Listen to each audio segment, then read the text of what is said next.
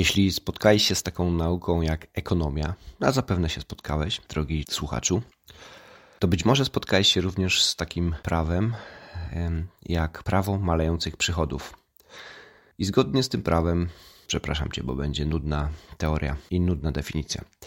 Zgodnie z tym prawem, zwiększając nakłady jednego czynnika o kolejne jednostki i utrzymując nakłady pozostałych czynników bez zmian, osiągamy punkt, począwszy od którego dalsze zwiększanie ilości tego czynnika powoduje zmniejszanie krańcowych przyrostów całkowitej produkcji. Uff. Dlaczego atakuję cię takim nudnym tematem? Pomyślisz sobie, albo tematem, który w ogóle nie jest związany z treningiem. A to dlatego, że jednak jest on związany z treningiem, bo prawo malejących przychodów świetnie nadaje się do rozkminiania tematów treningowych. I właśnie o tym prawie będzie w dzisiejszym odcinku Piątku Bularza. Prawo malejących przychodów świetnie można przedstawić mm, na wykresie. Wyobraź sobie wykres w postaci odwróconej litery U. No i teraz to sugeruje, że podnosząc, e, zwiększając przyrost jednego czynnika, rośnie drugi czynnik. Do pewnego momentu, w pewnym momencie mm, osiąga się maks i potem zaczyna, pomimo tego, że zwiększamy jeden czynnik, drugi czynnik zaczyna spadać. No po prostu odwrócona litera U. I teraz przykłady takie ekonomiczne, życiowe tego prawa. Powoli, powoli, zostań ze mną, ja potem przejdę płynnie, mniej lub bardziej płynnie do tematów treningowych, ale chcę najpierw, żebyś zrozumiał, na czym to prawo polega. E, dobrym przykładem będzie rolnictwo kiedy produkcja e, rośnie szybko wraz z dodawaniem tego właśnie czynnika pracy. I dla przykładu pola są dokładniej obsiane, kanały irygacyjne przepustowe, a chwasty lepiej usunięte z pola. I do pewnego momentu to się przekłada na zwiększenie produkcji, ale w pewnym momencie ta dodatkowa praca będzie dostarczała coraz mniej korzyści. No bo ile razy można okopać e, to pole czy przeczyścić kanał irygacyjny? E, więc e, w pewnym momencie, pomimo tego, że coraz więcej ludzi będzie pracować przy tym, e, ta produkcja będzie spadać. Drugim przykładem reklama.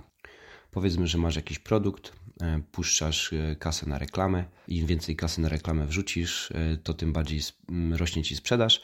Do pewnego momentu możesz pakować coraz więcej, coraz więcej kasy, ale w pewnym momencie zacznie to przynosić coraz mniejszy przyrost, aż w końcu sprzedaż się zatrzyma, nawet zacznie spadać. To jest dosyć logiczne, no ale zapytasz, jak się to ma do treningu? Już tłumaczę. Wyobraź sobie, że jedna oś to jest na przykład ilość treningów, a druga oś to jest Twoja siła. I do pewnego momentu, zwiększając ilość treningów, Twoja siła, czy tam sprawność, czy jakąkolwiek cechą pracujesz, e, sobie rośnie. No bo jeżeli na początku trenujesz raz na dwa tygodnie, no to wiadomo, że idzie to powoli.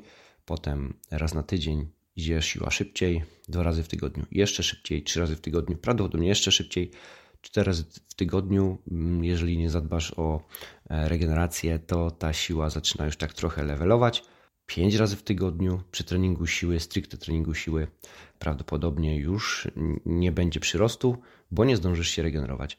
A dodawanie więcej treningów spowoduje, że Twoja forma będzie spadać. Kolejnym przykładem trening na chwytotablicy. Dokładasz dodatkowego obciążenia.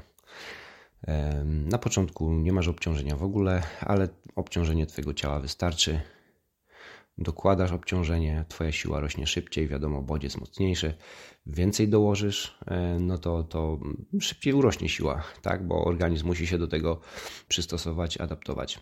Ale wiemy, że troczki nie są ze stali, nie są z tytanu.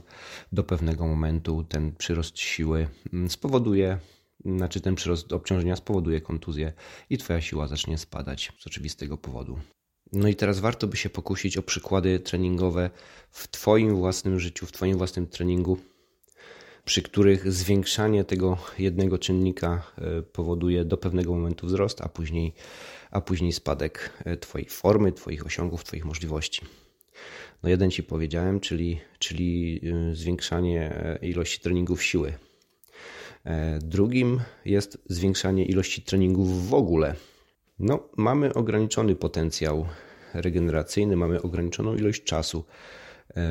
Jeżeli zwiększamy te ilości tych treningów, e, to na pewno spada ich jakość. Nie tylko do tematów takich bardziej fizycznych to e, można zastosować, ale również na przykład technicznych. Załóżmy, że odkryłeś jakąś swoją techniczną słabość. Powiedzmy, że jest to praca piętą. Na początku, gdy zaczynasz e, trenować e, tą piętę, Twoja technika i, i, płynność spinania, jakość spinania rośnie, rośnie bardzo szybko. No, szczególnie wiadomo, gdy trafiasz na takie problemy typowo piętowe. Ale jeżeli do, dołożysz jeszcze więcej tych treningów pięty, to w pewnym momencie dojdzie do takiego absurdu, że przestaniesz trenować nad innymi technikami, przestaniesz e, trenować, e, nie wiem, siłę, wytrzymałość e, czy, czy, czy jakieś tam taktyczne tematy, bo zafiksowałeś się na tej pięcie. No i wydaje ci się, że no skoro ta pięta tak mnie posunęła do przodu, no to jak dołożę jeszcze więcej treningów pięty, to jeszcze bardziej mnie to posunie do przodu. No otóż nie. Okazuje się nagle, że no oczywiście to posłam do absurdu. Okazuje się nagle, że pół treningu spędzasz e, na baldach piętowych i tylko trenujesz pięty e, w coraz e, dziwniejszych konfiguracjach. No i to doprowadza do ogólnej, ogólnego spadku Twojej formy. Kolejna rzecz, waga ciała. Wiemy, że zbędne kilogramy no, ciążą wspinaczą, więc warto te zbędne kilogramy zrzucić z siebie, warto się przyciąć. No ale do pewnego momentu to zrzucanie wagi ciała e, ma sens, przekłada się fajnie na naszą formę, no, poprawia się stosunek torby do korby, czyli poprawia się siła relatywna, tak? czyli stosunek siły do masy ale po pewnym czasie, gdy już jesteśmy bardzo szczupli czy wyżyłowani, e, dalsze zrzucanie wagi no, przestaje się tak przekładać jeden do jeden, by dojść do tego właśnie punktu malujących przychodów, gdy wraz z utratą masy ciała już nie spada tłuszcz, ale zaczynamy zrzucać mięśnie. Mięśnie, które są nam potrzebne e, do wspinania. I nasza forma zaczyna przez to spadać. Ale możemy też na to spojrzeć z drugiej strony. Jesteśmy bardzo szczupłym spinaczem. Chcemy zbudować hipertrofię, chcemy, chcemy troszeczkę poprawić hipertrofię, zbudować masę mięśniową. No więc zaczynamy trenować na masę. Z masą zawsze rośnie też trochę tłuszczyku. Nie da się tak całkowicie odizolować tych dwóch rzeczy, no bo żeby zbudować masę, masę musimy mieć e, nadwyżkę kalorii, oczywiście odpowiednią ilość białka mm, i odpowiednio trenować i z tą nadwyżką kalorii zawsze pojawia się też dodatkowy tłuszcz. Do pewnego momentu ten wzrost masy, wzrost y, masy mięśniowej e, się przekłada, mamy więcej siły. E, z powodu nadwyżki kalorycznej mamy też więcej energii, no ale w pewnym momencie znowu bardzo pogarsza się ten stosunek e, torby do korby, czyli spada nasza siła relatywna, gdy wzrost siły już nie nadąża za wzrostem masy, nie przekłada się ten wzrost masy znowu dochodzi do y, punktu malejących przychodów, gdzie trend się obraca. Być może weszliśmy nawet w nadwagę. Możemy nawet spojrzeć na to od strony spożycia kofeiny. Być może jesteśmy typami, które lubią kofeinę i przed treningiem lubią sobie zapodać kofeinę i widzimy zależność, że im więcej miligramów kofeiny przedtreningowo wrzucimy, tym lepiej. Ale do pewnego momentu to działa, przekłada się na, na naszą wytrzymałość, bo wiemy, że kofeina się na to przekłada, wytrzymałość siłową, być może na moc, eksplozywność, ale dalsze zwiększanie e, kofeiny może doprowadzić, dostaniemy nerwówki, tak zwanych jittersów, jak to mówią Angole.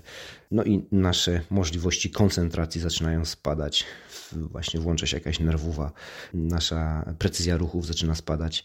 Dochodzimy do punktu, w którym trend się odwraca. No i to samo możemy powiedzieć o treningu na kampusie, o wcześniej wspomnianej chwytotablicy i tak naprawdę o trenowaniu jakiejkolwiek cechy czy umiejętności, bo to prawo jest bardzo uniwersalne. Jeżeli po prostu zafiksujemy się za bardzo na jakiejś cesze czy umiejętności, to w końcu doprowadzimy do wymaksowania jej i dalsze pakowanie w nią czasu powoduje no, spadek ogólnej naszej sprawności, czy nawet spadek w, tej konkret, w rozwijaniu tej konkretnej cechy. No bo jeżeli się na przykład skasujemy, no to wiadomo, że nie będziemy mogli dalej e, siły rozwijać. W sytuacji, gdy chcieliśmy trenować siłę. Tak więc, drogi słuchaczu, zastanów się, jakie Twoje słabości, jak Twoje umiejętności i Twoje cechy motoryczne, e, w jaki sposób, w jakich miejscach e, tego wykresu odwróconego U możesz umieścić. Zastanów się, nad którymi chyba nie, masz już, e, nie ma już sensu dłużej pracować, nad którymi jak najbardziej, bo znajdują się dopiero na dolnej części tej lewej strony wznoszącej się wykresu, tej litery U. E, a być może którą z tych części masz już tak wymaksowaną, że, że zaczyna tutaj e, spadać forma i pakowanie większej ilości czasu, żelaza, e, powtórzeń nie ma sensu, bo już tracisz. Jeśli nie wiesz, w jaki sposób to zrobić, no najlepiej użyć jakichś na przykład testów, jeśli chodzi o te mierzalne motoryczne wyniki, cech, cech motorycznych. No w przypadku umiejętności naszych ruchowych, czy technicznych, czy też mentalnych, czy taktycznych, no tutaj najlepiej byłoby e, zapytać kogoś z zewnątrz, zgodnie ze starą buddyjską zasadą, czy oko może siebie zobaczyć. No nie zawsze oko może siebie zobaczyć. Możecie użyć nagrania, czyli nagrywać siebie e, i analizować, ale jeżeli nie wiecie na co patrzeć, co, na co zwracać uwagę podczas takiej analizy wideo, no to też może być to ograniczone, chociaż ja uważam, że zawsze warto, bo nawet jeżeli wyczaicie z e, godzinnego materiału jedną rzecz, która jest do poprawienia i nad nią popracujecie, to już jest plus. No i zawsze też warto spotkać się z jakimś e, dobrym coachem, dobrym trenerem, instruktorem, który przeanalizuje waszą technikę, czy waszego mentala, czy waszą, wasze ta taktyczne podejście. Bardzo mocno zaniedbanym, zaniedbaną metodą, rzadko stosowaną jest po prostu pytanie znajomych.